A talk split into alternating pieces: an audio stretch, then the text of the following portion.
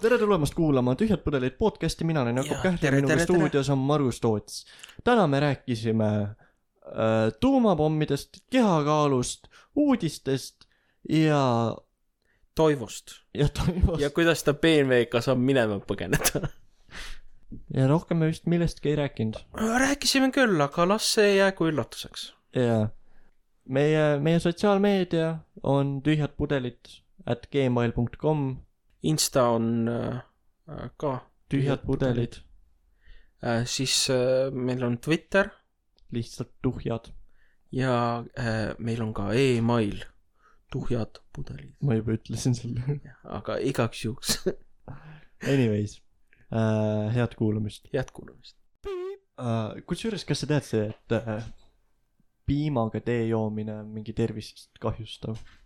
ja ma olen kuulnud ka, et see piim kuidagi äh, toimib kummalisena. Ma- äkki enda e- elu esimesed seitseteist aastat ma jõin äh, piimaga teed ja siis, kui ma lugesin seda kunagi, et aa, et see on ebatervislik, siis mul oli nagu jumala ükskõik, sest see oli päris maitsev.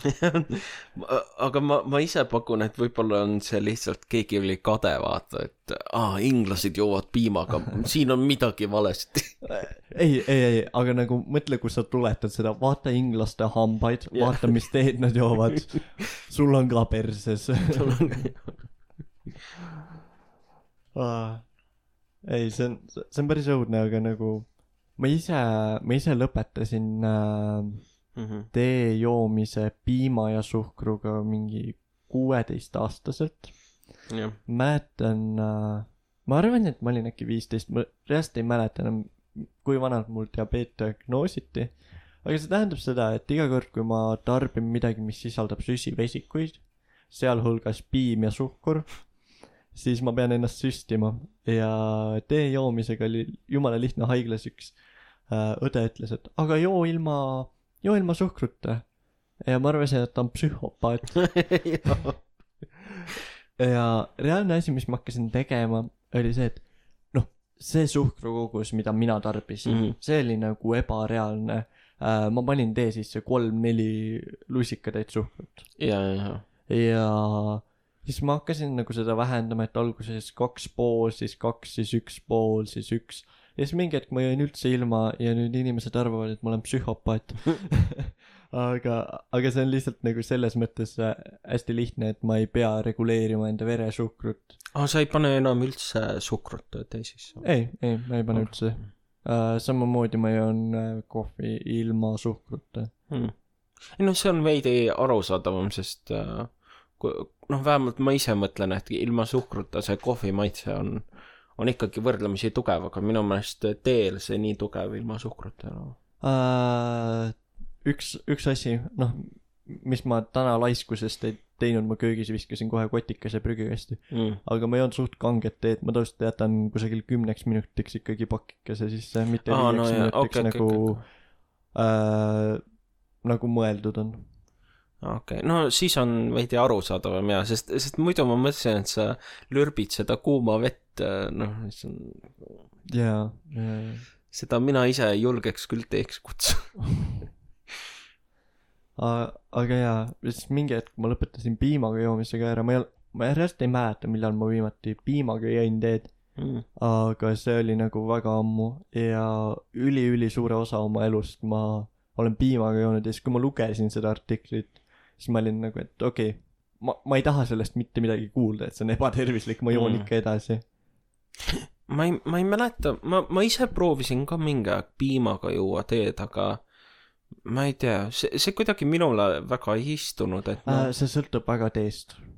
sest, sest ma tegelikult äh,, ma proovisin seda teha, noh, päris inglise äh, breakfast äh, teega, et Mhm. no, no mitte mingi jah, suvaline, ma ei tea, pakitee, Mhm.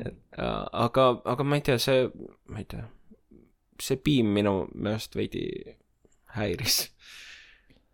aga noh, ei no jah, see on, see on hästi-hästi see on maitse. asi jah.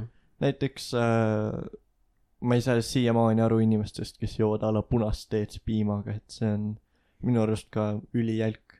aga, aga jaa, ma, ma ise tunnistan, et mulle osad teed piimaga väga-väga meeldivad. Mhm.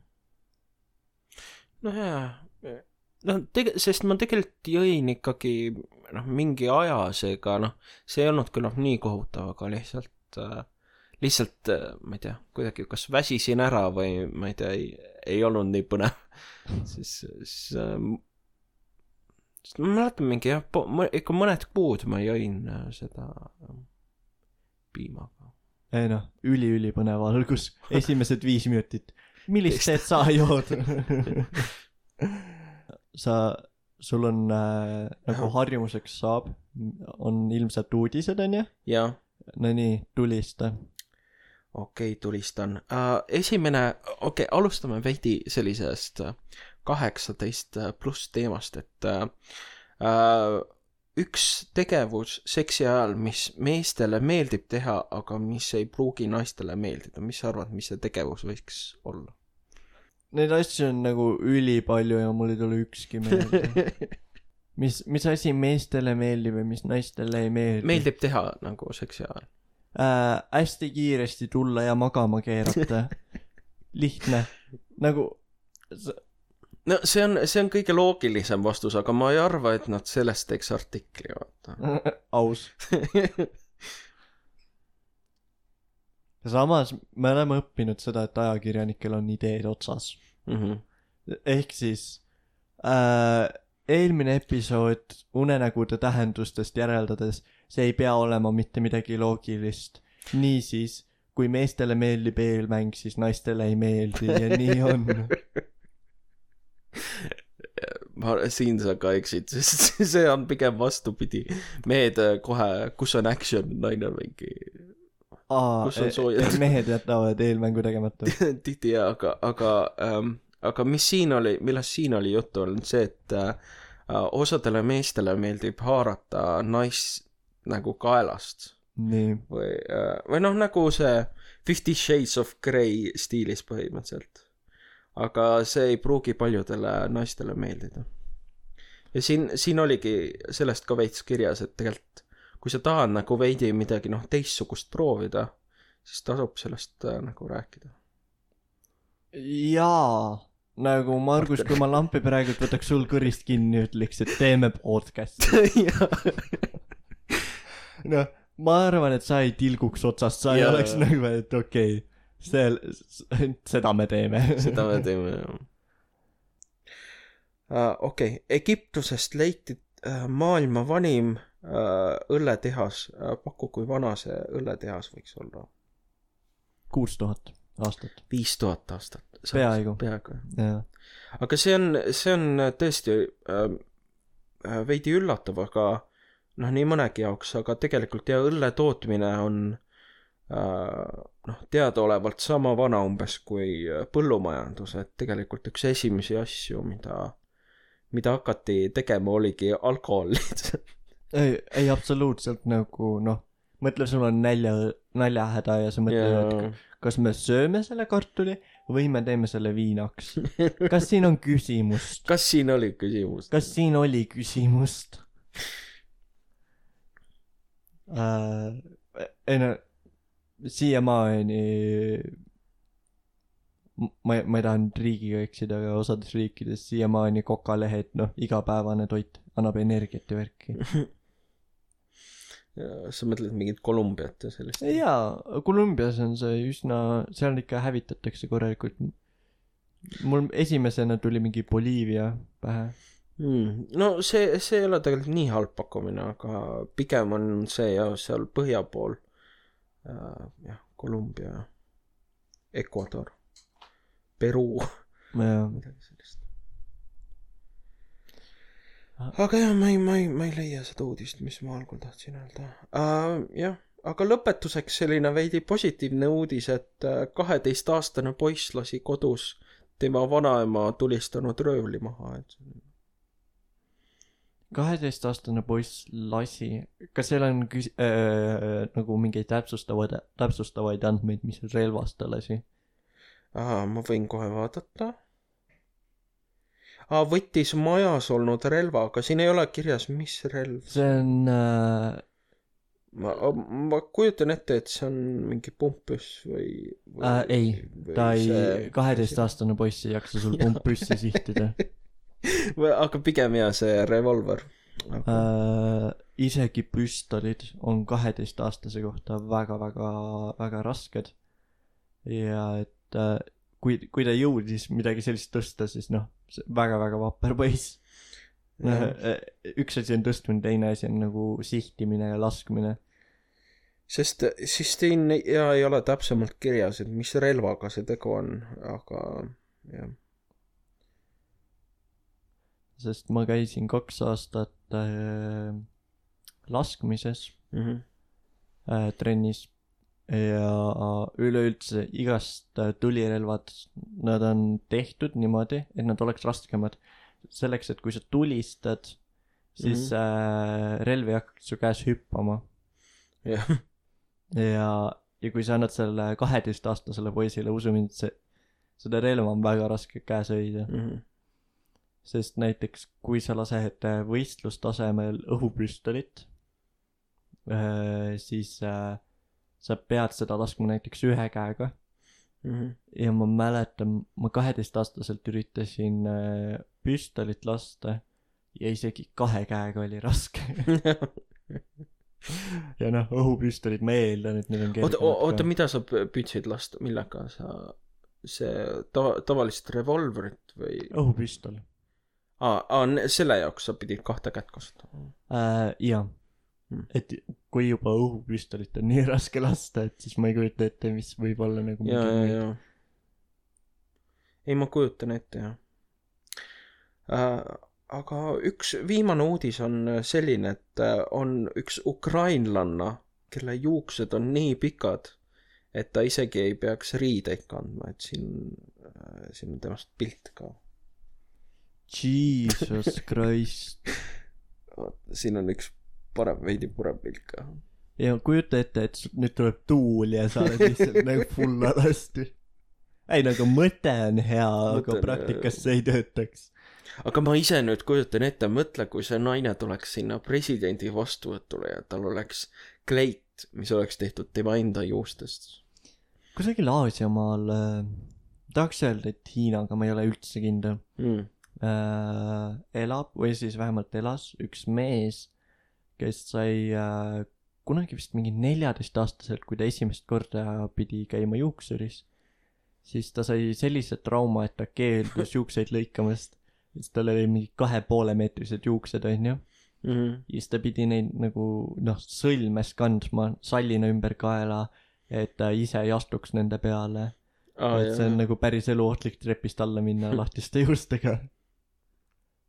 Ei ma kujutan ette jaa, aga kuidas, kuidas sa tualetis käid, kui sa oled Rapuntsel? ei nagu, oh my god jaa, risk oleks ju see, et sinu juuksed lihtsalt kukuvad vetsupotti. samas kui su juuksed niikuinii sita, sitaseks saavad. huvitav, kas sa pühid perset ka enda juustega või? oh my god. nagu mõtle, palju sa tualettpaberi pealt raha kokku hoiad. mõtle, palju sa juuksuris käimise pealt raha kokku hoiad. nagu lihtsalt nagu need asjad, mille pealt sa tänu juustele kokku hoiad. tead mis, Margus, me ei kasvat-, me me hakkame juukseid kasvatama, me ei käi enam kunagi juuksuris. oleme, muudame enda selle podcast'i nime ära Rapuntsliteks. aga jah, sellised olid uudised. väga-väga põnev. ja mul on kahju ja, et üks uudis, millest ma tahtsin rääkida, ma olin nagu jess, ei leia üles, aga noh. Vahetevahel juhtub seda. jah, Nad vist äh, refresh ivad ja uuendavad neid uudiseid ka üsna tihti. võib-olla läks kaduma. see on, ei nagu, huvitav, kas nagu ajakirjanik mulle vähemalt tundub, et on rohkem elustiil kui amet. vaata vahepeal, kui sa mõt-, kui, sa näed, et uudis postitatud null kaks kolmkümmend. kes loeb sellisel ajal uudiseid, sa oleks saanud hommikul kontoris ka trükkida. ja, ja, ja sa, sa oleks, aga tegelikult see on viinud selleni, et nad paljuski ju kopeerivad ümber uudiseid mujalt ja, jaa, seda on ka päris masendav näha. ja et nagu sa saad a, la mingi noh välismaisest meediast sa tõlgid ära ja sa saad mingi noh viieteistlauselise uudisartikli eest raha mida sina ei kirjutanud ja, ja, ja ja ma olen ma olen päris kindel et raudselt on mingid tõlkeprogrammid mis on paremad mm -hmm. Mhm. kui Google Translate ehk nad isegi ei pea tõlkima ja põhi-, põhimõtteliselt mõtle, kui su töö ongi lihtsalt see, et sa öö, Ctrl C, Ctrl V võtad artikli, paned selle mingisugusesse translatorisse ja siis sa parandad paar viga ära ja see, see ongi sinu päevatöö põhimõtteliselt. see oleks vaata mäletad kui ma mingi eelmine või üle-eelmine episood rääkisin et rongijuhi amet on maailma kõige igavam see see tundub palju-palju hullem kui sa nagu lihtsalt ja, ja, ja, kontroll C kontroll V sa ei pea isegi nagu noh õlast vaata tööd tegema sul on sa sa sa ei pea isegi enda ajuga vaeva nägema sul on Jah. lihtsalt nagu sul ei ole mingit riski, et ma ei tea, see mingisugune asta hüppab sul raudtee peale. mm, ma ma näen seda ma kopeerin seda ma töö tehtud. Kolm kakskümmend pangakontol juba juures huvitav miks ajakirjanikud miljonärid ei ole kas kas me just avastasime viisi kuidas miljoneid teenida lihtsalt sellega et me tõlgiks ära Google Translate'iga absoluutselt kõik uudisteartiklid mm. -hmm. mis välismaisest meediast tulevad sul on nagu lihtsalt informatsioonilaviin sa refresh'id korraks uudiste nagu lehekülge ja sul on automaatselt sada tuhat uut uudist. Sa ei jõua nii palju eest ära lugeda kui me jõuame kopeerida. Jah, aga tegelikult üks tulutoovamaid ameteid ju Ameerikas on uudis, uudisteankrud äh, või noh, üleüldiselt mingisuguste äh, saadete juhid, sest nad saavad tihti mingeid miljoneid äh, dollareid nagu kuus, aga nad, nad nagu sisulist tööd väga ei tee, noh, kõik ülejäänud teevad. uh,.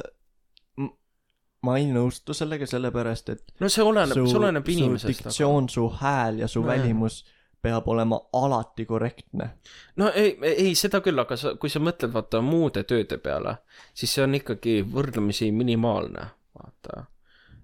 ja jaa no see samas mõtle seda et sa ei saa otse-eetris hakata mingi kukutama sul läheb noh mingi sõna sassi sa, sa oma peas oled nagu et okei okay, mul töökoht läks just. Nojah, jah, ja pluss Ameerikas sa ei tohi öelda ka ühtegi korda sõna fuck, siis sa oled kohe läinud, et aa ei.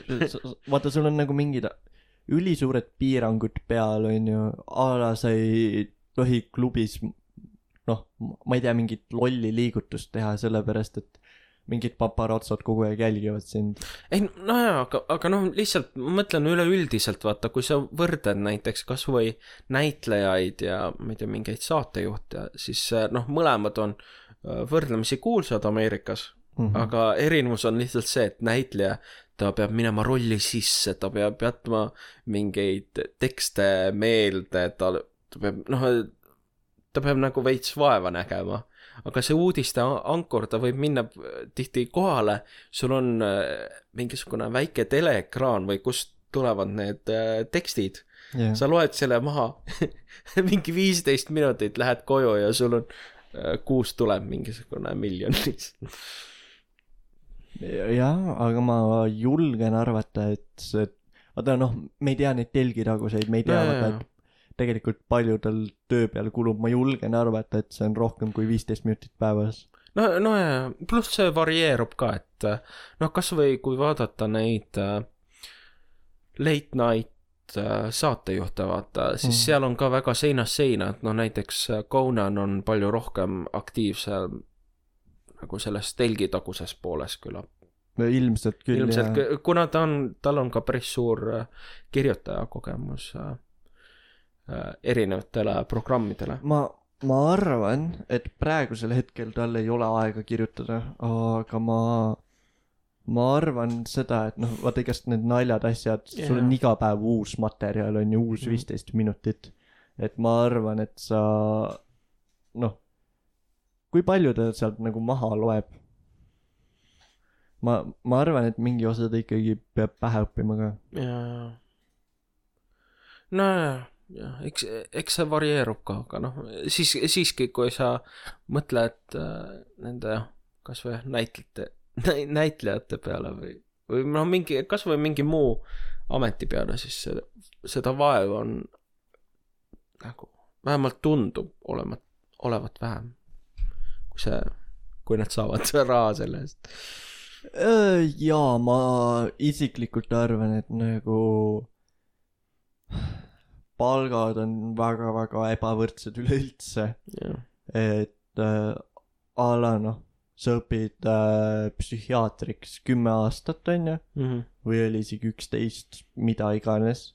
Samal ajal kui sa võid noh minna majandust õppima viieks aastaks ja sa teenid noh kordades rohkem. Seal veelgi parem võrdlus on see et sa õpid äh, psühholoogiks näiteks seda ei õpita nii kaua aga noh ütleme jah et sa õpid psühholoogiks eks ole. Sa käisid ülikoolis mis iganes. Ja siis äh, siis on mingi suvaline tüüp kuskilt äh, Raplast kes äh, nüüd on life coach kes äh, kes kes võib-olla vaatas paar Youtube'i videot ära. Ja äh, õpetab sind mingi manifestima no mis, mis, mis on lihtsalt nagu näitab, kui totakas see on, et nagu no mingi inimene, kes on reaalselt jah vaeva näinud nagu mingi mitmeid aastaid ja, ja, ja siis on, siis on üks tüüp, kes on lihtsalt mingi. ei no see see jah palgad on kuidagi nagu väga-väga ebavõrdsed ja see on see see on selles suhtes väga-väga naljakas muidugi ma nagu saan sellest osast aru et hei sa käisid noh ülikoolis onju muidugi sa väärid kõrgemat palka. Ja, ja, ja, sul läks nagu mitu aastat vahepeal isegi mituteist aastat et jõuda sinna kus sa praegu oled. Sa väärid kõrgemat palka. Aga si- siis every once in a while noh tulevad mingid influencer'id kakskümmend tuhat kuus või hmm. ma ma õppisin medõeks neli aastat ma teenin tuhat seitsesada jah. ja no ses suhtes äh,, aga siis on teisest otsast mingid ametid, kus seda ülikooliharidust tegelikult üldse vaja ei ole, aga see on pigem seal nagu sümboolselt või et noh, no näiteks hea näide oli äh, äh, minu ema töötab äh, raamatukogus jah ja seal, et saada palju kõrgemat palka, sa pead ülikoolis käima. aga see ülikooliharidus ei seostu üldse sellega, mida, mida nad teevad seal, noh, sest nad peaasjalikult sisestavad raamatuid äh, süsteemi ja või noh, aitavad näiteks inimestel mingeid raamatuid leida või noh, noh mingid sellised tegevused, mida põhimõtteliselt saab igale lollile õpetada põhimõtteliselt. jah et, et seal see seos ülikooliharidusega ei, on peaaegu olematu, aga seal, sealsed töötajad, kui nendelt küsida, siis on mingi jaa, jaa, suur erinevus on mingi, jaa, neid töid ei saaks teistele panna. Ja ma oleks nagu mingi, ma saaks sult leida suvalise asta mingisugune viiekümne aastane, kes töötas terve elu Maximas ja ta saaks nende töödega hakkama nagu. jah et, et, et see on, see on selline koht, kus sealt inimesed hoiavad nagu kümne küünega kinni, et aa jaa, ei, ikka on suur erinevus ja, ja me väärime palju suuremat palka. aga noh, noh, kui sa mõtled realistlikult, siis seda erinevust seal ei ole. hmm.. nõus. ma, ma, ma hakkasin mõtlema nagu, et kuhu, kuhu selle jutuga edasi minna mitte Google. Mul ajal oli nagu, et rahvas ütleb Vää! aga lähme mõne teise teema juurde uh,. üks teema, mis ma tegelikult siia tulles mõtlesin veidi uh,, millest võiks rääkida, on see, et uh,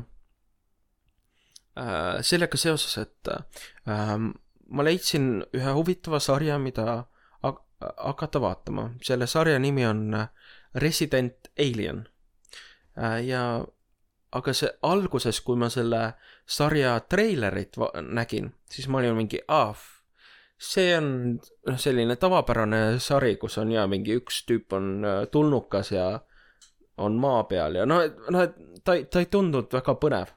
aga siis äh, ma vaatasin neid äh, review si ja kui, kui väga see inimestele oli meeldinud see sari, siis ma otsustasin vaadata ja nüüd ma olen mingi uh, ülisuur fänn, ma olen nagu mingi äh, ootan, millal järgmine osa välja tuleb ja noh, nagu mingi äh, täisfänn, et kas sul on olnud mingeid selliseid kogemusi, kus nagu esimene mõte on olnud sul nagu mingi ah,, see väga ei ole nagu minu jaoks, aga, aga sa võib-olla vaatad näiteks mingeid review si või, või ma arvan, et Peaky Blinders oli Mm. üks see, mis ma olin nagu, mulle väga-väga pikalt on meel-, meeldinud just nagu sarjad, mis toimuvad kas tänapäeval või Mm. tulevikus. Peaky Blinders on siis äh, tuhande üheksasaja kolmekümnendate äh, Suurbritannias ja ja, ja ma olin nagu üsna kindel, et mulle ei meeldi, eriti nagu alustades, no ma vaatasin esimese episoodi algust, mm, mis on minu arust selline hästi veniv, hästi igav, hästi mitte midagi ütlev, mingi esimesed kümme minutit. mis minu isiklikust arvamusest mm, võiks just olla nagu filmi üks kõige paremaid osasi, et see tõmbaks kaasa. ja, ja siis ma panin nagu peale kümnendat minutit Peaky Blindersi kinni ja siis mõtlesin, et ma ei vaata seda enam mitte kunagi, et Mm. täiesti mõttetu. ja siis ma vaatasin samal õhtul edasi ja siis mul läks võib-olla mingi paar nädalat ja siis ma olin juba kusagil äkki neljanda hooaja juures, et et see oli, see oli jah selline naljakas Mm. aga, aga üldiselt mul on nagu see, et äh,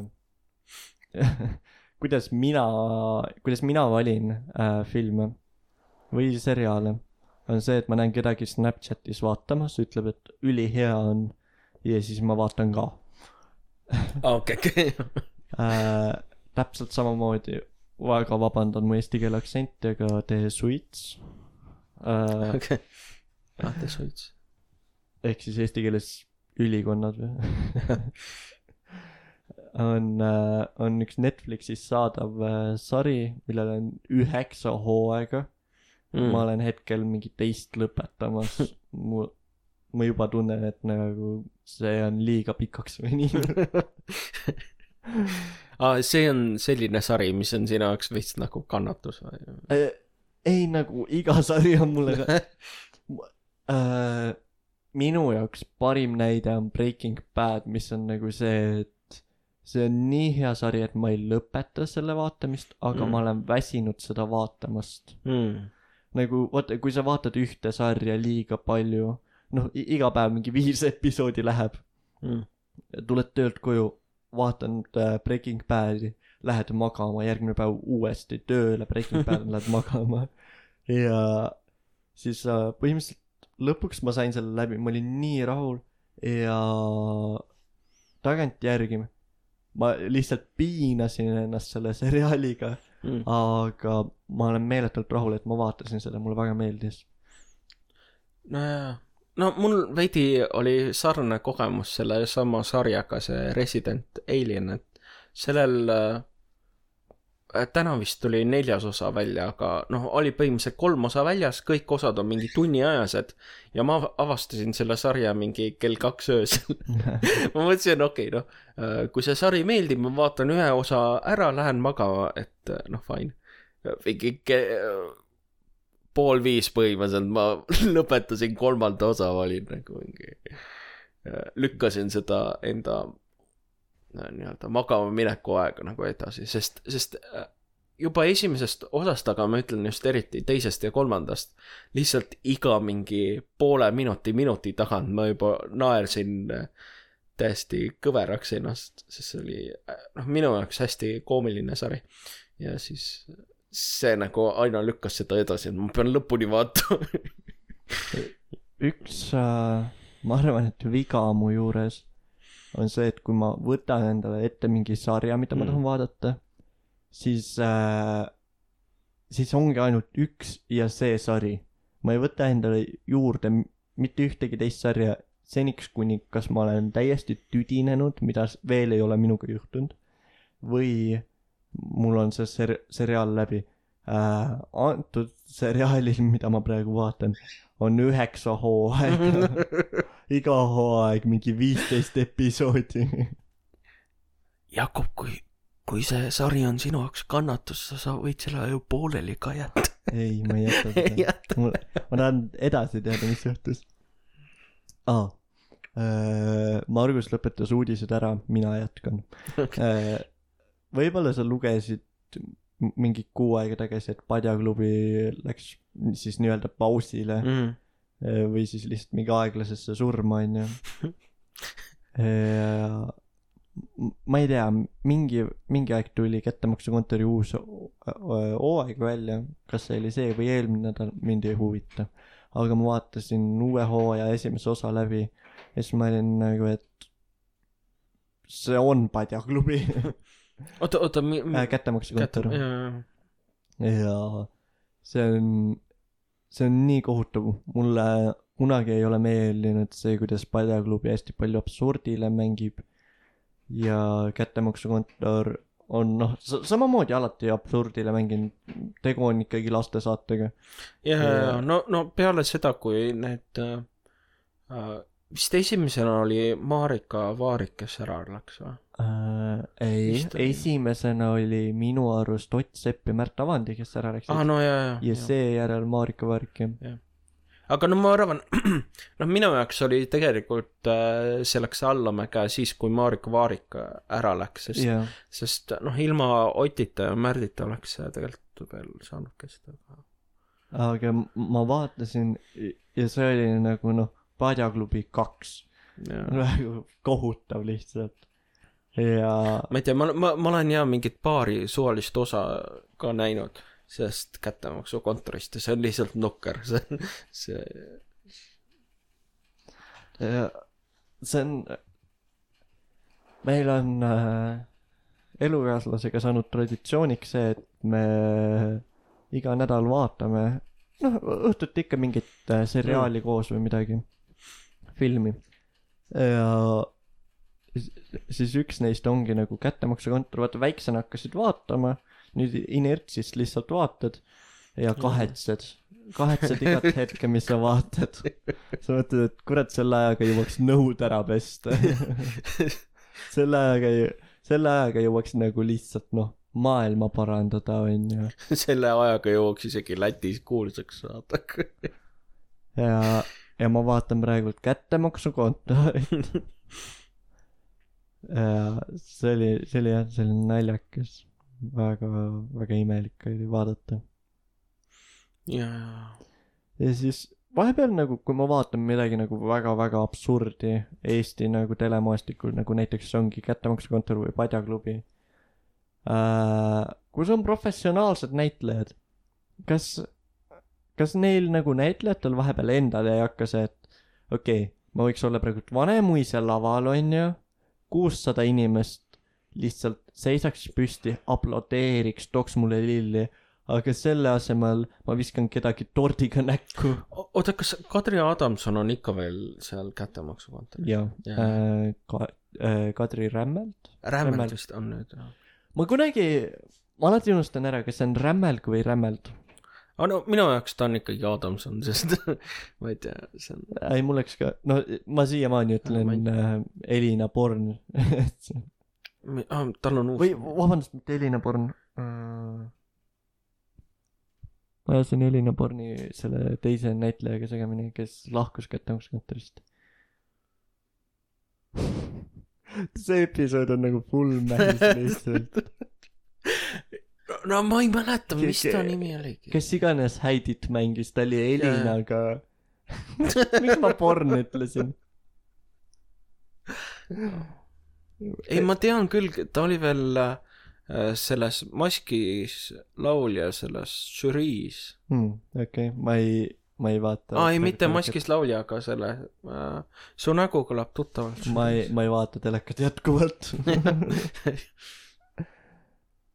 uh,. kusjuures huvitav asi oli see, et kui tuli see lockdown onju, eelmise aasta kevadel äkki mm -hmm. siis Mhm. oli see maskis laulja, ma vaatasin ühe episoodi ja mind nii, nii meeletult häiris et uh, publikut ei ole, aga me paneme publiku nagu aplausid juurde. ja see oli lihtsalt noh, kõrvu riivav. tegelikult, kui sa vaatad äh, äh, seda hooaega, mis viimasena välja tuli äh,, nad suutsid ühe aasta jooksul kaks hooaega välja tulla äh,, tuua, aga no igatahes seal viimases hooajas tegelikult oli publikut ja minu meelest esimese hooaja lõpupoole oli ka äh,. aga tõ- tõesti on mingeid saateid, näiteks mind häiris, oli mingisugune viktoriini saade või oli seal äh, ETV-s, kus küsiti vaata ETV-ga seotud mingeid küsimusi või mis iganes mm. -hmm. ja siis seal oligi täiesti tühi saal, noh see stuudio ja siis mingi aplaus on ja see on ühesugune ka täpselt nagu noh, mingi noh, sa tunned ära ja see riivab su kõrva, et see on lõigatud aplodeering Mm. ja see on nagu lihtsalt, aga, aga vahetevahel ongi selline tunne, et ongi lihtsalt mingi tüüp, kellel on see mingi pult ees, siis ta keegi tunnetab, et keegi ütleb nalja, siis ta vajutab see naerunuppu on lihtsalt või, või ei,, või ap-, aplodeering. mul on väiksest saadik häirinud a la mingid sarjad, kus on pandud juurde publiku naer. minu arust isegi Mr Beanis oli. Mm. ja, ja, ja see oli nagu minu jaoks alati selline häiriv asi. aga vaata, tegelikult nende saadete puhul see ei ole nii hull, sest seal on äh, tihti nad teevad selle päris äh, publikule, näitavad seda noh, lindistust või midagi Mm. ja nad lindistavad selle naeru sealt. et see ei ole noh, see, see ei ole tihti nii võlts, aga, aga, aga jätkuvalt ta jääb kõrvu riivama. aga ta, ta häirib ja ja, ja see on, ma ei, tea, see minu jaoks, kas vist Friends või midagi sellist ja kaks ja pool meest. Ja no vaata, vaata sellised Ameerika sarjad, ma ise ei ole vaata neid üldse vaadanud ja osalt ongi põhjus äh, see, et äh, noh, on see publiku naer seal. no see on, mul, mul on nii hea meel, et ma leidsin mõttekaaslase, ma arvasin, et ma olen ainus inimene, kes seda, nagu keegi ei ole kunagi maininud, et ei, ma ei suuda seda vaadata, see on rõve. jaa aga aga, aga no jaa, ma, ma, ma nagu reaalselt, kõik on nagu mingi, aa jaa, Friends, vaata Friendsi ja ma olen nagu, vaatan ühe osa ja see naer tuleb peale ja ma olen nagu no ja, ja, ei no mult ka vahepeal küsitakse, et kas ma panen Marguse naeru peale, et see on suht rõve. aga noh, ma võin üsna kindlalt öelda, et jaa, ma panen. me, me lihtsalt suretame seda podcast'i. ja, ja see ongi teadlik valik on see. jah. ma, olen vähemaks kusjuures võtnud oled või? äh,. ma ei ole kõigil võtnud, aga ma olen ühel episoodil võtnud mm., mm. kus äh, see oli nagu see, et ma olin täiesti vaikuses ja siis sa naersid mingi poolteist minutit ja siis ma vahepeal olin mingi ja siis ma olin nagu, et okei okay,, keegi ei jaksa kuulata poolteist minutit Marguse naeru. jaa, kuskilt lähevad ka piirid, võib-olla Dominic jaksaks. Dominikul ei jää muud üle, ta on tema peab kohustuslikus korras lõpuni kuulama. mul äh, mingi vahe telefoni avaekraanil ei töötanud need äh, nupud, et noh, et pane järgmine lugu või pane eelmine lugu ja, või et pane pausile. ja siis alati, kui ma kuulasin a la mingit podcast'i, noh, siis iga kord oli see probleem, et keegi tuli minuga rääkima, ma ei saanud pausile panna ja siis ma ühest kõrvast kuulsin. rääkisin inimesega, itsitan omaette, siis ta küsib, et kuule, me räägime su vallandamisest nagu, mis siin nii naljakat. aga teeme väikse pausi siin äkki või? Davai, teeme väikse pausi. vaata mind täiega häirib äh, selli-, sellised äh, tweetid või sotsiaalmeedia postitused, et eelmise kuuga võtsin kaalust alla seitse kilo mm. -hmm. ma tunnen ennast nagu uue inimesena, järgmine, järgmise kuu eesmärk on võtta kaalust alla kaheksa kilo. ja siis kõik on nagu, et issand jumal, sa oled nii tubli ja ma, ma ei arva, et nad on tublid, sellepärast et ma söön päevas kolm tuhat viissada kalorit ja tead mis, ma võtan kaalust alla. nagu see on, see on lihtsalt masendav. ma eile sõin ära kaks purki konserve, steigi, paki jogurtit. noh, sinna otsa veel asju onju, tead mis? ma võtsin seitse kilo alla. seitse kilo ei ole saavutus. ma ütlesin emale ka, et ma võtsin seitse kilo alla. ema ütles, mille arvelt? liiga suure toidukoguse arvelt. ei noh, vaata, vaata, ma tõstan mikrofoni, mikrofoni statiivi nagu enda ette onju, kas sa näed mind selle tagant? ei näe, ei näe. no vot, see statiiv on noh, kümme sentimeetrit lai onju.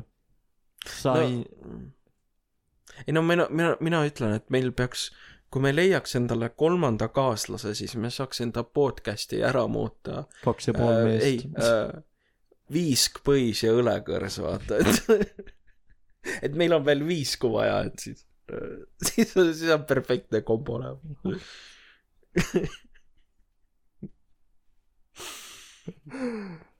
mõtle, kui, kui ma oleks läinud arstile enda õlavalu käest ja küsib, mis mureks. ei no, õlekõrs läks katki. see, ei, see on nagu masendav, ma olen reaalselt üritanud täiega kaalust juurde võtta mm., Mhm. aga nagu kehakaal ainult alaneb. ja see on, see on üliraske ja ülidepressiivne on lugeda, kuidas keegi on õnnelik selle üle, et ta kaalust alla võttis. teate mis, mul on ka elu raske. mul, mul on samas vastupidi, mul ükskord keegi ütles ka, et nagu mingi Margus, sa sööd nii vähe nagu, sest nad mõtlesid, et ma söön nagu ülipalju, aga tegelikult äh, ma päevas nii palju ei söö. siis ta oligi mingi oot, oot, sa sööd nii vähe ja siis mul on nagu vastupidi, et vahet pole, kui vähe ma söön, ma ikkagi ei võta kaalust alla ei, ei, me käisime Margusega McDonaldsis, ma sain Marguse burgeri ka ära. ja mina võtsin kaalust juurde ja Margus võttis kaalust juurde. see on nagu noh, mis, mis limonaadis on asi või? Margus paneb eraldi suhkrut juurde enda Pepsisse. ei, ei vastupidi, ma joon vett, aga ma saan ikkagi suurema suhkrulaksu kui sina. ei, nagu vaata, kõik, kõik su tuttavad on saanud äh, endale töökoha läbi mingi tutvuste onju yeah. ja siis sa oled nagu ainus töötaja, sa mõtled, et nagu, et hei, kuulge, et äkki saate mind ka tööle sokutada ja siis nad on nagu ei, ei tutvused, tutvused. huvitav, kas nagu toiduga on midagi taolist onju, kas kõik käivad mingi toitumisnõustaja juures, kes lihtsalt toidab neid üle? kas kõigil on mingid vanaemad, kellest ma kuulnud ei ole või? mul on just vastupidi, et mis kuradi imediiete kõik peavad. see on ei noh ma mõtlesin et ma lähen smuuti kohvikusse tööle onju järgmise kahe kuu plaan võtan viisteist kilo kaalust juurde onju äkki jaksan viieteist kiloseid kaste tõsta teate mis? Ma rikkusin mõlemad õlad ära. Kõik on pekkis. hakkan jõusaalis käima. Tead mis Jüri Ratas otsustas et ta paneb jõusaalid kinni ja lahkub valitsusest nagu mis mis pränk see on et sa nagu lihtsalt keerad mu elu perse ja lahkud valitsusest ah veits sellega seoses, praegu on ju mingisugune kaheksasada juhtumit äh, äh, koroonat äh, ja see asi läheb, nagu läheb hullemaks. ja siis tahetakse uusi piiranguid panna. ja, ja Jüri Ratas kuskil oligi öelnud, et ja, ja paneme kõik restoranid kinni ja nagu ta tahtis minna ülikarmiks. Ja siis äh, oli intervjuu selle Kaja Kallasega ja ta ütles, et äh, seal ei ole ühtegi kollet, nagu miks, miks me paneme, peaks panema restoranid kinni. et probleem on selles, et töökohtade juures haigus levib.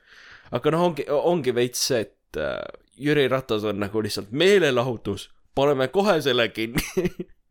mulle ei mulle meeldib see et meil ei ole kollet kui kõik on nakatunud ei, aga no vaata, see, seal on nagu nii suur probleem, et, et peaks midagi ette võtma nende restoranidega, samal ajal kui ongi jah, töökohtade juures äh, levib see ennekõike. jah uh, et sa täna tulid uued piirangud välja me lindistame neljapäeval vist Mm. ja sa oled kursis uute piirangutega või? Toidukohtades hakatakse lõpuks, valitsus näeb lõpuks põhjust, et toidukohtades hakkab, hakkab käima kontroll, kes kontrollib, et kas on viiskümmend protsenti täituvus. või jah, ja huvitav nagu, mida nad tegema hakkavad, inimesi välja peksma või? nagu, joonlauaga, neil on see mingi kahemeetrine joonlaud. ei nagu mõtle, sa sööd seal jankat kusagil kohvikus ja järgmine hetk saad kumminuiaga. huvitav, kas nad nagu lasevad toidu ära lõpetada või nagu mida nad teevad? kui, kui sul on toit ees, see oleks nagu kõige ebaviisakam asi üldse, mina ei ole süüdi, et keegi ei keelanud mul siia tulla. jah, aga siin on see küsimus, et okei okay,, toidukohas, aga näiteks kui see toidukoht on Ülemiste keskuses ja selle noh, KFC vastas on vaata need pingid, vaata. kui inimesed seal istuvad kõrvuti, kas see on probleem ka või? see ei ole ju toidukoha territoorium. vot, vot ja siis, siis põhimõtteliselt ongi see, et nad peksavad sealt inimesed ära, kes on veidi hajutatult istuvad seal KFC-s ja siis kõik lähevad ja istuvad õlg õla kõrval seal pingi peal. jaa. milline saavutus? see on, ei, see, me oleme sellest varasemalt rääkinud ja see on nii Jaa, absurdne teema. ma arvan, et siin ei olegi nagu mingit ühte õiget Mm. seisukohta. kõik on vale. aga jah, eks, eks ta ole jah. eks noh, noh, ma ise lihtsalt äh, mõtlen, et need piirangud toidukohtade juures ei ole nagu just kõige loogilisemad, sest no okei okay,, noh, see viisk-, vii-, viiskümmend protsenti täituvus, see on veel äh, mingil määral loogiline, aga no näiteks see, et äh, peab kinni panema uksed kell üheksa Äh, see ju enamikke toidukohti ei mõjuta. see mõjutab peaasjalikult ju noh, noh okei okay,, mõni toidukoht oleks mingi kella kümneni lahti, aga see ennekõike mõjutab ju bensujaamu. või noh, noh vaata mingeid selliseid kohti, mis ongi kakskümmend neli seitse avatud. jaa, aga igast pubid, baarid, vaata, kui sa ennast täis jood, kaks pluss kaks on müüt. nojah, aga, aga, aga vaata, see piirang, et on äh, jookide müük on kella üheksani, vaata see on okei okay, loogilisem, aga toidumüük kella üheksani, see, see mõjutab ainult äh, noh, ongi põhimõtteliselt bensujaamu, vaata. Mm -hmm. ja no niikuinii seal käivad mõned üksikud inimesed, enamik istuvad äh, autos, et, et on reaalselt probleemi, mida sa lahendad ju tegelikult väga ei ole. jah, mõtle, kui sa oled nagu, sa oled rekkajuht, sa oled üksteist tundi järjest sõitnud. sul on nüüd kaks varianti, kas sa nagu seisad soojas, soojas äh, Circle K-s onju, jah, sööd enda kabanossi või siis sa lähed istud hemoroidid endale rekkas, sest nagu noh, saab pealt seal olema. Või Ja- siis sa külmud surnuks. ja, ja no ongi, ongi, et mida me sellega püüame päästa, et me oleme nagu mingi ja kui see rekkajuht seal üksinda sööb äh, Märjamäe äh,, Märjamaa selles äh, K-Circle'is, siis oi, see levitab koroonat igale poole. ta on seal üksinda kell kaks öösel, kellele, keda see mõjutab nagu? isegi tehnindajat enam ei ole. et noh, noh ongi, et nagu see reaalne mõju on seal suht olematu, et noh, ma ei tea. mul tekkis üks küsimus, kui äh,, kui äh, keegi tuleb vabatahtlikult tööle, kas siis on vaja leping sõlmida? mm,. no siis ei pea, aga tegelikult äh,, tegelikult seadus on selline, et, et kui, kui on loogiline, et sa teed mingit tööd, mille eest äh, sa peaksid palka saama, siis tegelikult peaks siiski töölepingu sõlmima aga noh, see, see, see piir on üsna hägune. okei okay,, ühesõnaga, kui politsei tuleb ja ütleb, et kuule, siin ei ole isegi sada protsenti täituvust, siin on kakssada protsenti rahvast, onju. ja kui ma ütlen kõigile, kui ma ütlen politseile, et ei, nad on kõik vabatahtlikult siin tööl, vaata, nad viivad ise prügi ära. Nad viskavad joogi. mina ütleks politseinikuna, okei okay., hui. see oleks siis sinu asi tõendada seda, aga ei, minu asi tõendada, kui, kui ma olen eelnevalt kliendile öelnud, et okei okay,, meile idee poolest rohkem ei mahu, aga lepime kokku, et sa oled vabatahtlik. vabatahtlik sa töötaja. viid ise hiljem prügi ära, onju, siis ma luban sul istuda.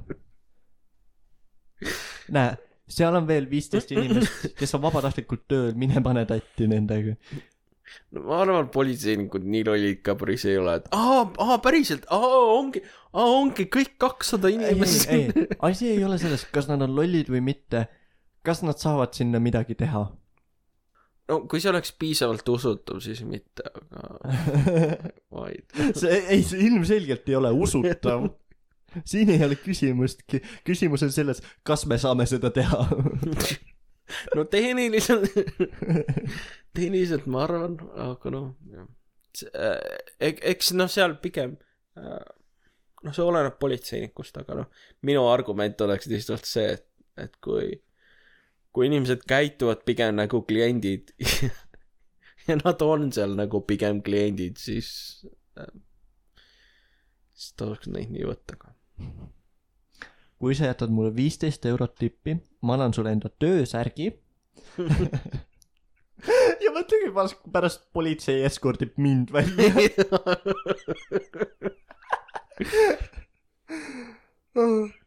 aga siit küsimus, kui sa oled Selveris selle puldiga käid ringi, eks ole, Mhm. kas sa oled töötaja või oled Äh, see, see sõltub sellest, mida sa politseile ütled. no, kui politsei küsib, kas sa oled töötaja ja kui sa ütled, et jah, olen küll, vabatahtlikult siin, käid puldiga ringi maksan, maksan peale, et ma saaksin tööl käia, teha tuudispiip. okei, no tegelikult ja see pigem on jah.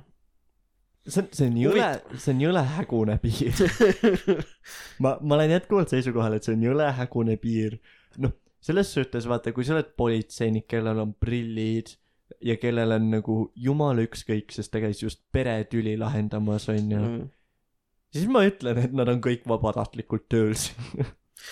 aga noh, vaata, vaata sellepärast ongi vaata üks asi, mis äh, õigust õppides avastad, ongi see, et äh, peaaegu iga aine õpp-, õppejõud peab eraldi ütlema, et kuulge, ärme hakka nüüd mingeid suvalisi skeeme siin ajama, et et, et õiguses saab alati leida mingi, aa jaa, aga mis siis, kui ta on nagu ühe jalaga, eks ole, piraat, kes tuleb nüüd Somaaliast ja siis tal on kal-, kolm nõbu seal, eks ole, mingi, mingi, mingi hullu loo saad sa kokku panna. ja, mis siis, kui tal on kolm nõbu? ma võidaks kohtus sellega iga kell, kui tal oleks kolm nõbu, aga teate mis, tal ei ole ei aga noh, ma mõtlen, et sa saad mingeid täiesti napakaid äh,, mingeid äh, looliine luua, vaata mm. Aga noh, noh, mis, mis, mis mõttega neid otsida, sest, sest no esiteks suure tõenäosusega need päriseluliselt ei juhtuks äh,. Või kui juhtuvadki, siis, siis äh, noh, selle jaoks on meil tihti, ongi osad kohus olemas, et on, tekivad mingisugused arusaamatused, siis kohus otsustab, et kuidas on õige tõlgendada. et tehniliselt meil ei ole seaduseid, sellepärast et kõik oleneb kontekstist. kõik, ei, ma, ma olen lihttööline, aga mul on viiskümmend töötajat vabatahtlikult. toovad ise oma nõud ära. okei, okei, okei, see võib-olla ei lähe, okei, aga mis siis, kui ma annan kõigile nagu selle suure äh, bl- blenderi mingi kleepsu, et nad näeks ka välja nagu rohkem nagu töötajad, et mis siis? et sa paned rinna peale kleepsu. jah, me kleepsu peale markeriga teeme nagu nimesilt, paneme su nime mm -hmm. peale mm. -hmm. ja kui keegi küsib, siis sa juhatad otse enda ülemuse ehk siis minu juurde. ja, ja siis mina olen see politsei kommunikatsioonijuht. see on sinu ametinimetus, on ka politsei kommunikatsioon. vaata, vaata sa, sa tead, et su firma tegeleb rahapesuga, kui sul on eraldi politseile kommunikatsioonijuht määratud. oh my god, nagu eraldi kommunikatsioonijuht, kes suhtleb politseiga. jaa. oh my god, see tekitaks nagu ainuüksi juba, kui maksuamet näeks, et sul selline tegelane oleks seal tööl, ma arvan, nad tuleks kohe kontrollima sind. politsei kommuni-. oleks lahe nüüd. ei, vaata lepingusse sa saad igast paska kirjutada, onju, mis su tööamet on, politsei kommunikatsiooniga. ma, ei, järgmine kord, kui ma, noh, keegi, ma lähen mingi lattu tööle, mingi täiesti suvaline amet, noh, ma olen mingi komplekteerija ja siis ma olen nagu, et okei okay,, te võite võtta viiskümmend senti mu palgast maha, kui me muudame mu ametinimetust. Nagu tööülesanded võivad samaks jääda, aga ametinimetus võiks olla politsei kommunikatsioonijuht. mõtle palju ma hakkan mingi noh jõulukaarte ja kirju politseiametilt saama, politsei- ja piirivalveametilt saama. ma arvan, ma arvan, üks, ükski ettevõtja sellist töötajat endale palgale ei tahaks võtta. see tekitaks rohkem küsimusi. See oleks umbes nagu, kui ma nimetaks enda ettevõtte täiesti legitiimseks OÜ-ks. lasen üle MTÜ. Pole must ettevõte AS. MTÜ maksud Lätti. aktsiasilt rahapesu.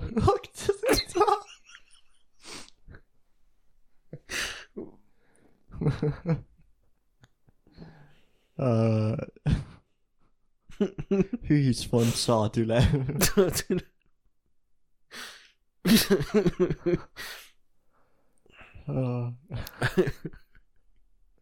OÜ riiuliettevõte. riiuli ette. tead, mida see tähendab või? riiuliettevõte.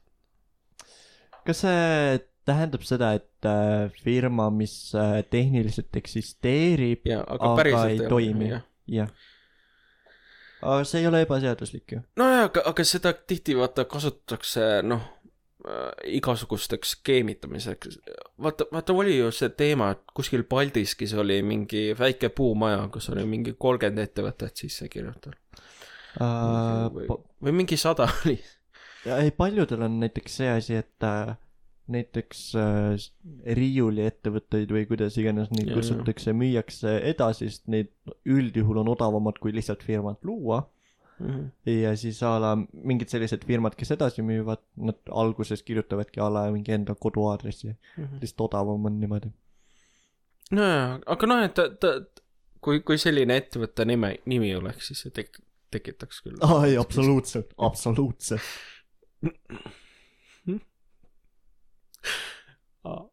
OÜ, sulle sugulane ei meeldi, küsimärk.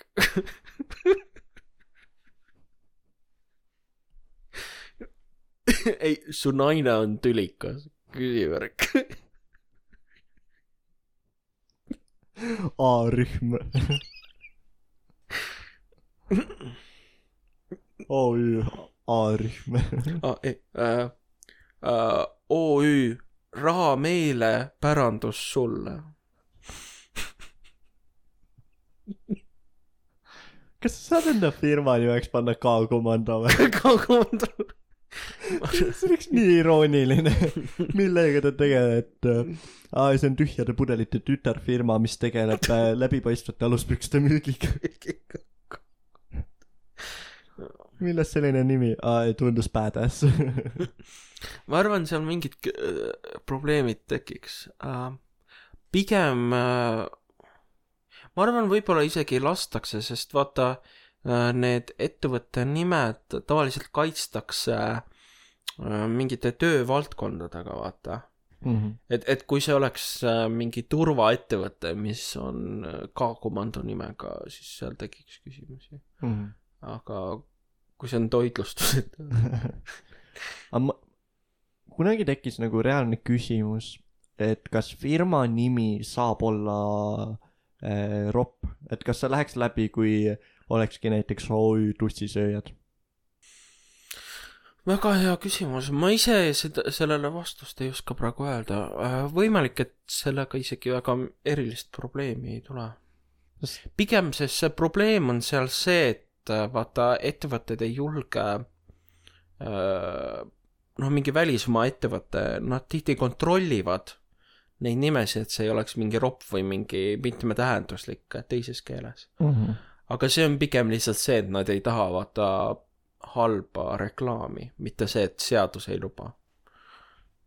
ma, ma arvan, et BBC pani enda nime täiesti teadlikult. Nad, no way, et nad ei teadnud, et see tähendab slängis speak black cock. ja, ja, ja see, ja see släng ju, me teame ju, see tekkis ennem seda, kui aa, raudselt tekkis ja., no ja Victoria ajal oli see Victoria kuninganna tuli ei noh, trepist alla, ta oli nagu aa, you are my BBC. ja siis keegi sai valesti aru ja tegi endale uudisteportaali. samal ajal, kui oligi mingisugune Martinique kuskilt äh, Ghanast hakkas endal pükse jalast võtma. mida BBC tähendab Hmm? BBC peaks äh, broadcast äh,, British broadcast mingi peaks. Okei okay., see, see tundub loogiline, ma isegi ei hakka siis otsima. põnev, põnev. põnev jah. okei okay,, aga lähme nüüd äh, Paide Toivo juurde. aa, Paide Toivo juurde äh,. kuidas, kuidas Paide Toival kehakaaluga on? Hmm. vaata, tal ei ole kaalu, aga see, kui paljudele naistele ta sisse on tulnud, siis see tähendab Ja, seda et tal peab olema mingit välimust, onju. noh, tal, tal peab olema hambaid rohkem kui kuus. ja pigem, pigem ma arvan, et ta, ta on selline veits nagu sina, et, et ta ei võta kaalust juurde, aga ta, ta ei suuda ka langetada. ja siis ta nagu kunagi tegi äh, sporti, et kunagi ta oli musklis, aga nüüd see on nagu mm, raske kirjeldada, aga noh, nagu selline kulunud musklid, vaata. et selline veits äh, nagu midagi oli seal. jah, selle, ei, ta ütleb nagu, et ei, kaitseväest ma sain need musklid ja need jäid, aga no vaata, keegi ei tea, et ta kaitseväest kõrvale hiilis. et ta seal pigem käis suitsetamas. see on, see on naljakas ja ma olen nii palju kuulnud lugusid, kuidas kaitseväkke minnakse niimoodi, et ollakse täiesti puhas ja siis kaitseväest tullakse niimoodi, et suitsetatakse ja tehakse tupsu ja siis ma olen nagu, et kas kaitsevägi ei peaks tegema sinust rohkem distsiplineeritud inimest kui nagu seda, et sa oled järgmine aurik lihtsalt. kuidas suitsetamisega üldse sõjaväes on, kas äh, minu meelest äh, sellele nii viltu ei vaadata, et või Uh, et äkki, äkki on see, et see on nagu võimalus saada mingit vabat aega veits, ka variant jah. sest, sest ma tean, et äh, restoranides tihti on see teema, et äh, ainus võimalus paulis, pausile minna on see, et sa suitsetad. ja nii mõne, mõni, nii mõnigi mittesuitsetaja hakkab suitsetama seda. aa ei, see on üleüldse näiteks, mis mul vanaema rääkis, kes töötas äh, kontoris äh, päris mitmeid aastaid, oligi see, et väga paljud hakkasid suitsetama lihtsalt ettekäändeks, et töölt paus võtta. et nagu kui mingil muul põhjusel, noh, keegi võttis pausi, et lihtsalt ennast sirutada, siis vaadati viltu. ja see on nagu selles suhtes irooniline äh,. samas, kes on, ma ei tea, see päevnik või kes on nagu see, kes koridoris istub ja vaatab, et kes sisse-välja tuleb? uksevaht. okei okay,, kutsume teda uksevahiks.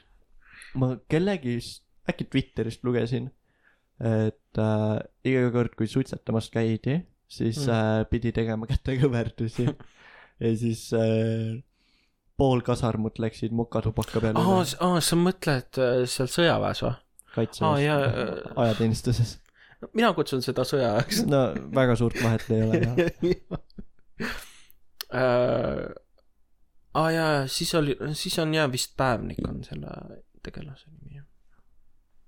ma arvan, et on päevnik, see, vaata ma ei tea termineid, sest mind ei võeta kaitseväe mind ka mitte.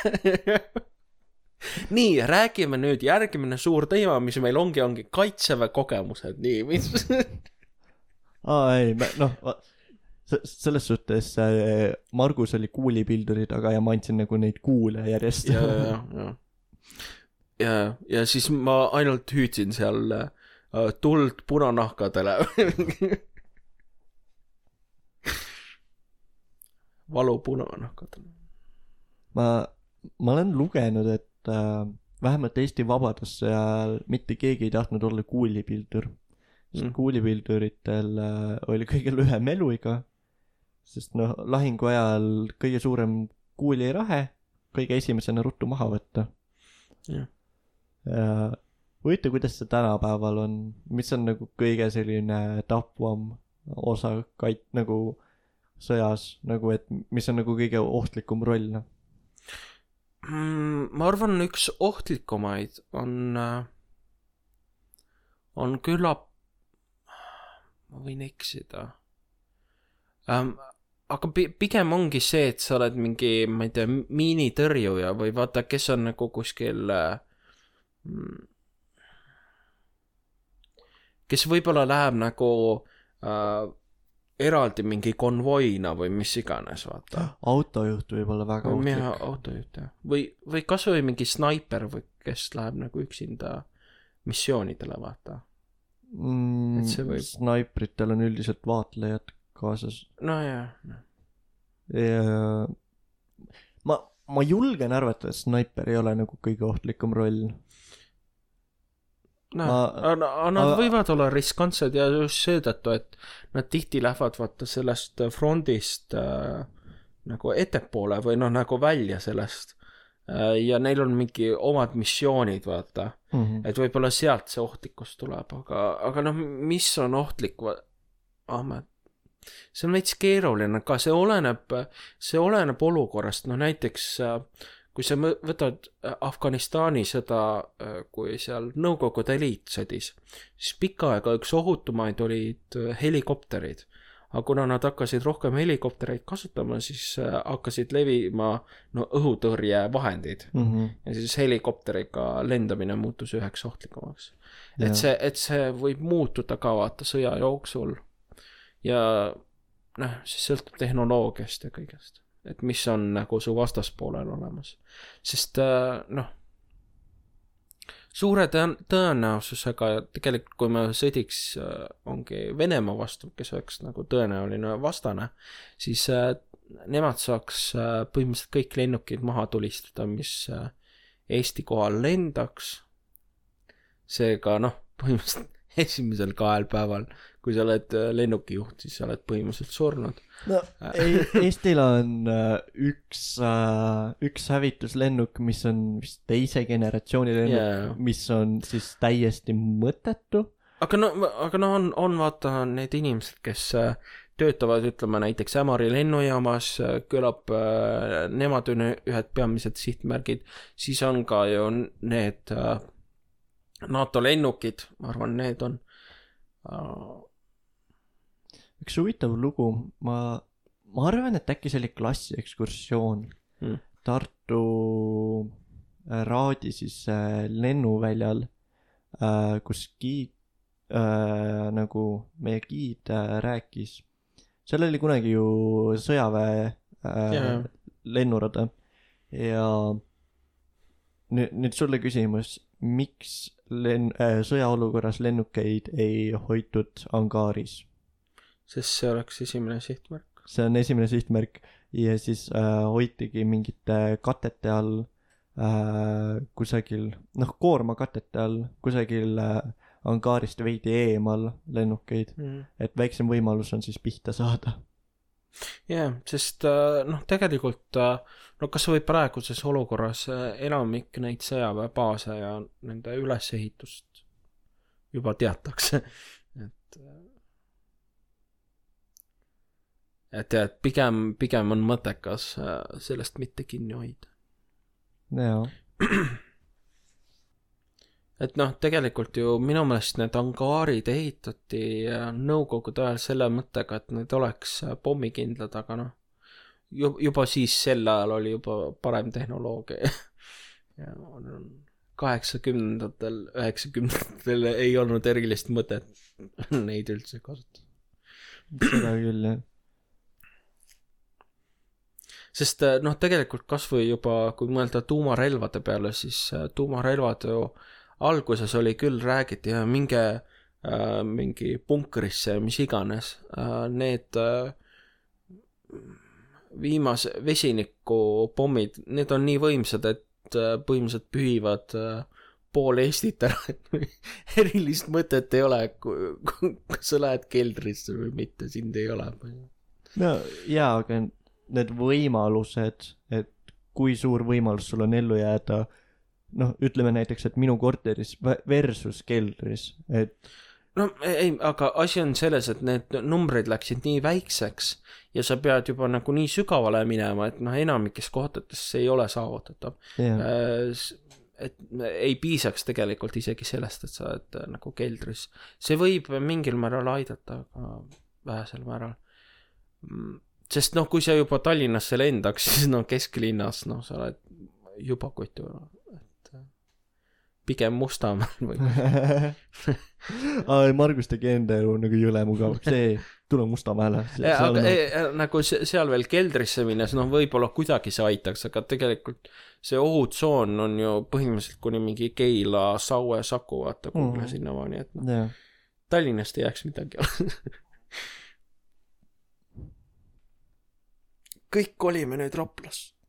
sest noh, esimese asjana tuumapommi plahvatusega keldrisse läksid lööklaine üle.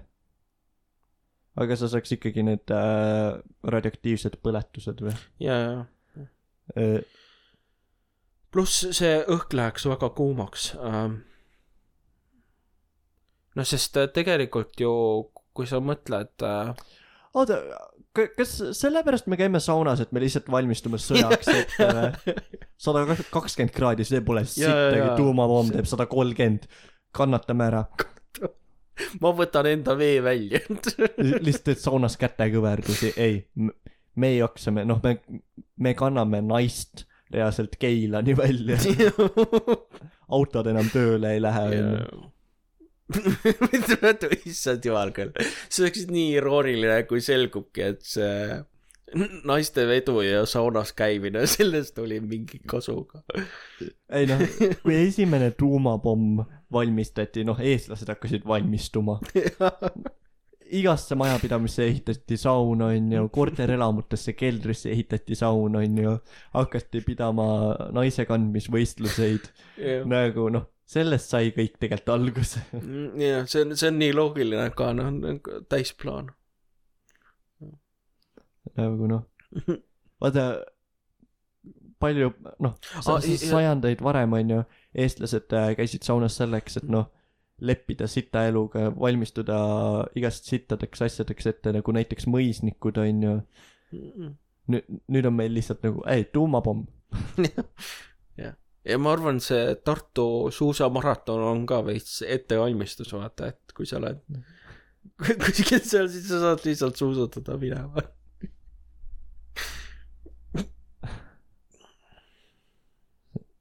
ei see on see on õudne Äh, tegelikult see on nagu tuumapomm kui selline, see on lihtsalt äh, täiesti mõistmatu. No nagu seda on väga raske hoomata, et mi, milline see üldse see kogemus oleks. ei hoomata on absoluutselt keeruline sest meil ei ole veel kukutatud nagu noh vaata teisel pool maakera kaks tükki noh ja need olid veel just äsja leiutatud ka, need on Jaa. nagu noh, sellised noh, Äh, kusjuures on olemas äh, üks mees Jaapanis äh,, nüüdseks ta ilmselt on surnud, aga oli niimoodi, et äh, ta, ta sai esimese pommiga pihta. ta sai mingid põletushaavad ja siis ta läks järgmisesse linna, et arsti juurde minna ja siis järgmine päev, järgmine pomm kukkus sinna linna. ja, ja teadaolevalt on ainus mees, kes on siis nagu mõlemad pommid suutnud üle elada.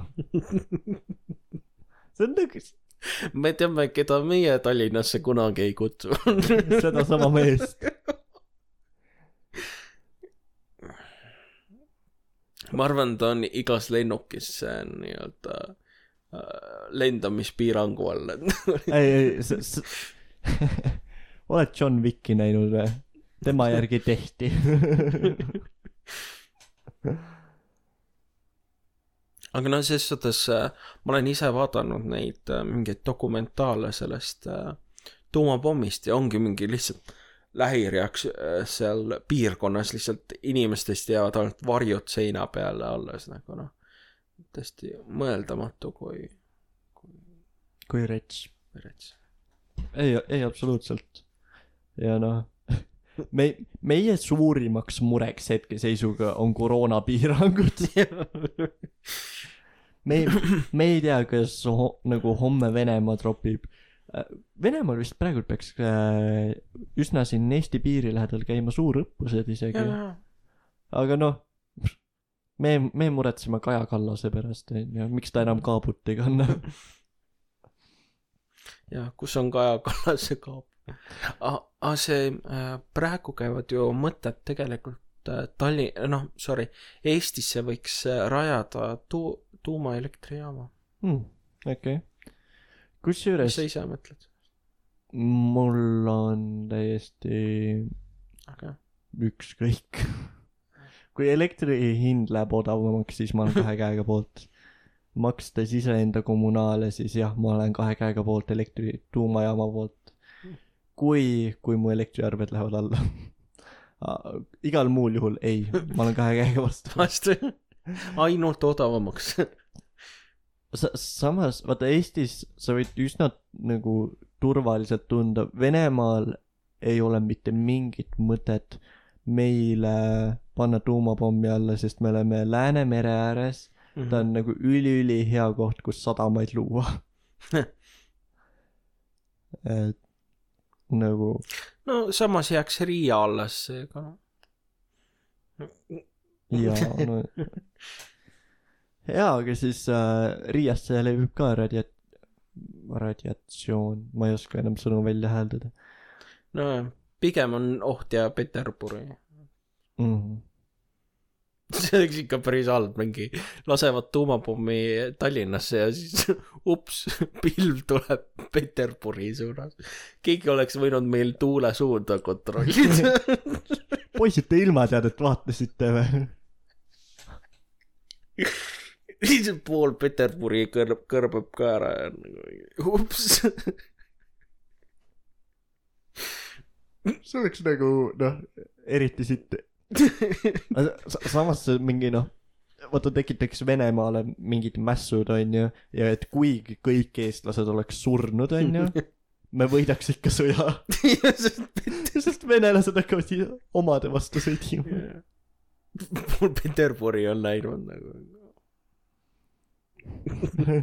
Paide Toivo on samal ajal noh, mingi visiiti tegemas enda mingi kuueteistkümnendale lapsele Peterburgi onju.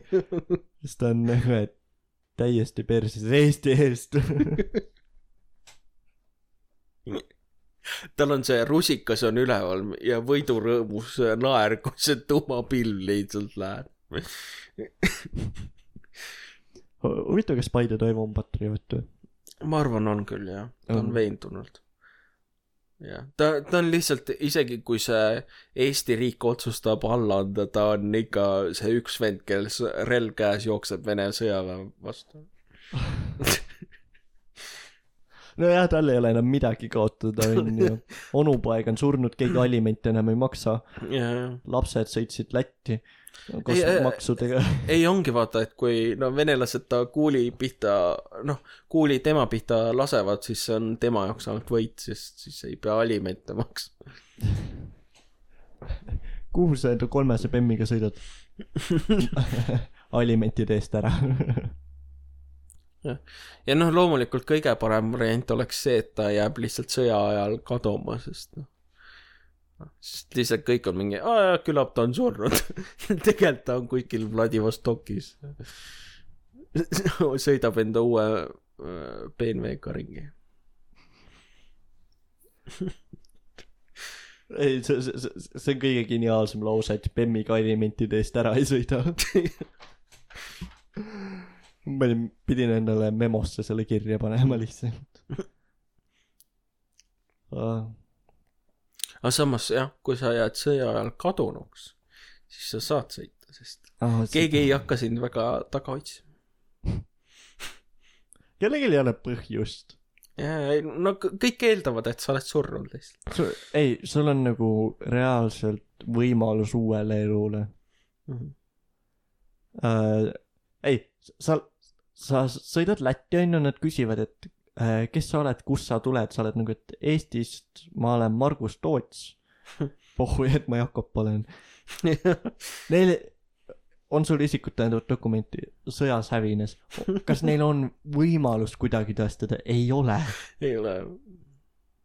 ma järsku olengi Margus Toots, mul järsku ongi juuraharidus. ma järsku kaotangi kohtuid lihtsalt. Venemaal sa oled lihtsalt Juritski. edukatsioon.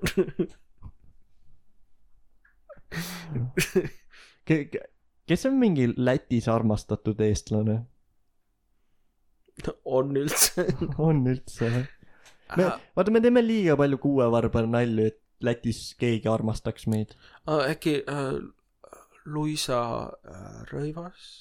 no okei okay., ma, ma lähen Lätti, ma ütlen, ma olen Luisa Rõivas. sest vaata, ta tegi selle Läti lauljaga ju neid laule. vot, vot, vot see on alles tüüp, vaata, tema, noh, sest ennem teda, vaata, mis Balti riike ühendas, oligi see Balti kett, vaata. Mhm. ja siis on see üks tüüp, kes teeb laule nii leedu keeles, läti keeles kui ka eesti keeles, vaata. Jesus Christ. nagu noh, ta, see, see on see ainus tüüp, kes ei ole aru saanud, et Balti kett on läbi. tema läbi. tema arvab, et on ikka veel mingisugune Balti riikide ühtsus. ma arvan, me võiks selle Balti Assamblee või mis iganes selle värgi nimi on, selle lihtsalt kinni panna ja palgata selle ühe laulja lihtsalt. ai, raudselt. see looks ka rohkem ühtsust. see, et kui Eurovisioonil on kolme riigi peale üks laulja, siis kust ta tuleb, Balti riik äh,, Baltist, kus see on? ei, ei, eriti hea oleks hea, et on nagu kõigis kolme riigi esindaja, aga ta laulab kõigis kolmes erinevas keeles. See võib olla nii segadust tekitav, vaata eriti mingitele dementsetele inimestele, et ta, ta la, laulab eesti keeles, ta vist esindab see aasta meie riiki ja siis järgmine hetk mingi noh, vene hümn käib. ma ei tea, kuidas see seotud on ja siis nagu, et kurat ikka ei ole eestlane. aga tegelikult äh, minu meelest see mingi piirang on, et sa ei tohi kahe, kahte riiki esindada või rohkemat. Nagu ja, ja aga et sa võid enda võidu mingile teisele riigile edasi kinkida. mis on nagu suht selline absurdne. no aga tegelikult reaalsuses juhtus äh, selline olukord, kus äh, ähm, tegelikult pä- päris mitu korda oli, näiteks äh, Iirimaa võitis ju mingisugune kolm-neli korda järjest ja minu meelest vist neljandal korral nad olid nagu fuck it, lihtsalt äh, Inglismaa, palun korralda meie eest äh,. rahaliselt ei olnud võimalik ei olnud ja, ja., ja.. sest äh, ja samamoodi oli tegelikult Iisraeliga, et nad vist mingi kaks korda järjest võitsid või mingi selline probleem oli ja siis li- lihtsalt Inglismaa korral, sest Inglismaa on minu meelest ongi selline varukorraldaja, kes, kes on jah minu meelest kahel korral. Kolmel korral isegi vist, sest ük-, ühel korral oli niimoodi, et neli erinevat riiki võitsid ja Inglismaa oli nagu okei okay,, meie kord. kas kutsume selle episoodiks või? Äh, jah, olgu äh,. tahtsid veel midagi öelda? Äh, meil on ju veel arut-, arutada üks asi. aa, episoodi nimi või? episoodi nimi.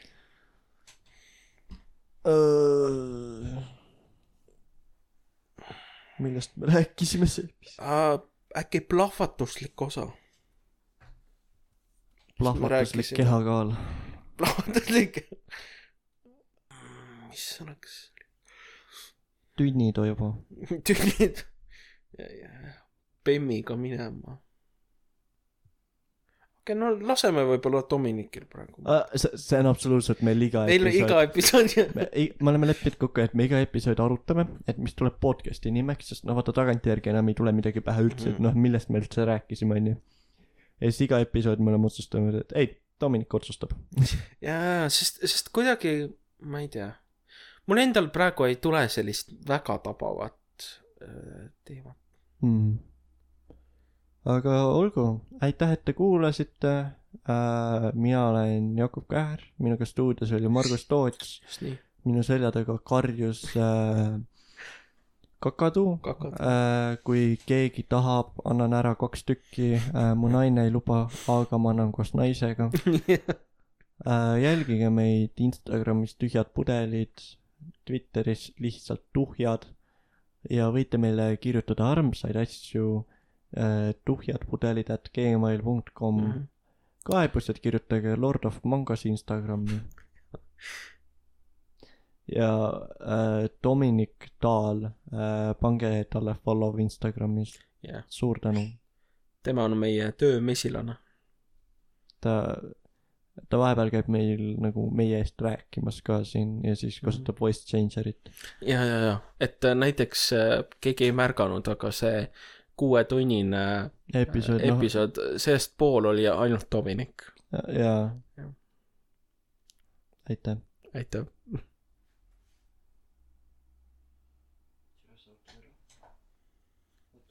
Hmm?